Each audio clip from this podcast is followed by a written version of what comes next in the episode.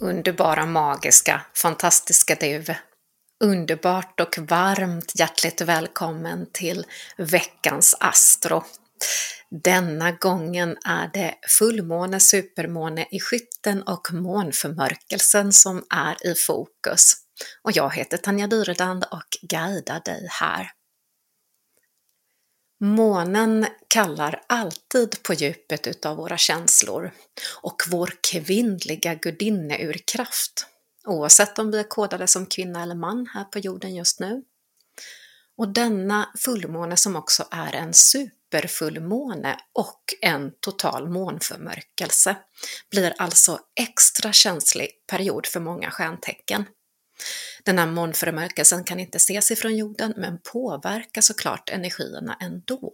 Och då det är en superfullmåne, mm, då är det så att den här månens kraft förstorar upp även andra saker i våra liv, inte bara känslor. Vi kan uppleva saker mycket extra starkt, intensivare än vanligt. Och temat för denna gång är energiskifte transformation, mod och mål framåt. Här sker både emotionell och fysisk utrensning. Ut med det gamla, in med det nya. Så se vad du har för rädslor som du vill släppa taget om just nu. Det kan också vara så att känslorna kommer på en och samma gång. Det kan vara lite grann berg och dalbana. Därför att vi har ju inte bara skytt-superfullmånen och månförmörkelsen som påverkar känslorna utan vi har ju solen också i fiskarnas tecken som är zodiakens känslotecken. Så ena sekunden kan man känna sig glad och euforisk och sen nästa kan man bli helt dränerad, lite ledsen, uttråkad, irriterad och så vidare. Så älskade, älskade du, bara lugn, andas och gå in och jag brukar fundera på att de här känslorna är lite som vågrörelser. De kommer och går, de kommer och går. Bara låta dem brusa upp och så ebba ut. Älskade du. Och vi påverkas såklart också utav Saturnus retrograd som vi pratade om i förra poddisen. Saturnus som är vår stränga himlafader, pekar med hela fingret och gärna skickar oss lite extra livsläxor just nu.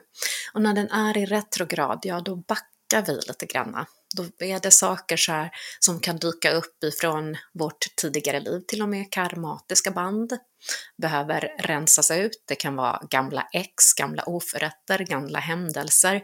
Ibland till och med sånt som man tänker att va, varför dyker den här minnet upp just nu?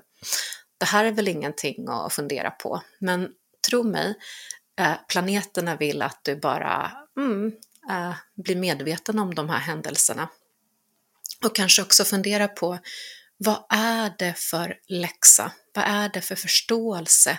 Och vad finns det för läkning när du ser på dessa saker nu?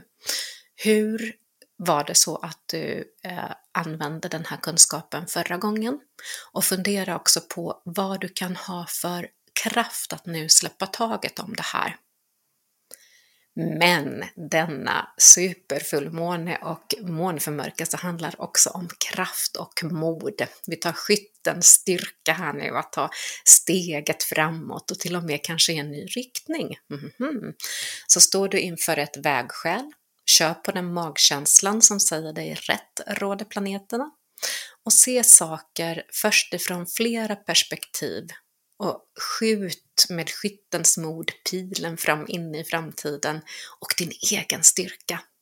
Skytten står ju för driv, framåtanda och success och mål. Så vad har du för gamla visdomar du kan ta upp till ytan nu? Vad finns det för kunskapsbas du kan använda dig av för att ännu mer manifestera in starkt allt du vill ska bli utav resten utav ditt år? En perfekt timing att göra en liten egen ceremoni, egen ritual för moodboard, dreamboard. Sätta mantran, manifestera och gärna lite egen månmagi-ritual just nu. Perfekt här också att jobba med blommor på olika sätt, därför att denna fullmåne kallas för flower full moon, eller blommånen. Och kanske är det så att du skapar en egen blommandala, där varje blomma får symbolisera först det du släpper taget om och sedan det du vill ha in i livet. En härlig, underbar månmagiritual. Och vi börjar även denna vecka påverkas av kommande Merkurius retrograd. Oh my god, den kickar igång den 29 men vi är redan nu i skuggfasen. Och allt som har med kommunikation, teknik, transport kan bli lite fnurror, lite knasiga och försenas. Hmm. Så kom ihåg att dubbelkolla alla dina lösenord, kom ihåg dubbelkolla bankomatkorten, din swish, eh, men även ha lite överseende med om bilar inte funkar, om datorer slutar fungera, om hemsidan läggs ner, du kommer inte in genom dörren och så vidare. Det kan också vara så för många stjärntecken att det påverkar kommunikation så det kan bli lite extra missförstånd just nu. Så öva på att andas. Det här gäller både för dig såklart och för andra. Eh, och fundera på hur kan du vara mer tydlig i din kommunikation? Och fundera även på det här med transporter, att det kan bli lite extra utmanande i en tre veckor framöver nu. Och mm, Merkurius ligger också i fas med Neptunus som kan förvirra detta ytterligare. Så se om du kan ta lite lugnare nu. Det här är en perfekt timing denna kommande vecka att varva ner, åka på retreat, ta dig tid för total återhämtning. Och kristaller här du kan jobba med är kvarts för klarhet, angelit för högre medvetande, kontakt med änglarna, månsten för balans och ametist för healing exempelvis då. Och kroppen som just nu är i fokus är lever, så det är utrensning utav gamla gifter. Men också höfter och lår är jättebra att jobba med här. Så är det så att du gör yoga till exempel, så är det perfekt med olika typer utav höft och låröppnare, shoulder, steer eh, pose eller andra typer utav höftöppnande aktiviteter. Och mantran du kan ta extra mycket kraft ifrån nu är jag är tacksam och så lägger du på saker du är tacksam för. Och chakrat vi jobbar med nu är aina, det vill säga panchakrat för ökad intuition.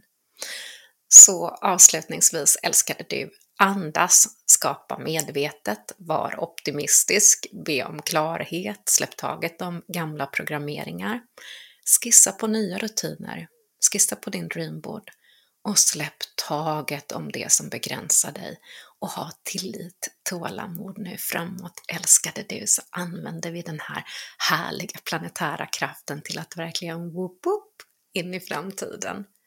Och det var allt för veckans Astro. Och kom ihåg att magi börjar med dig.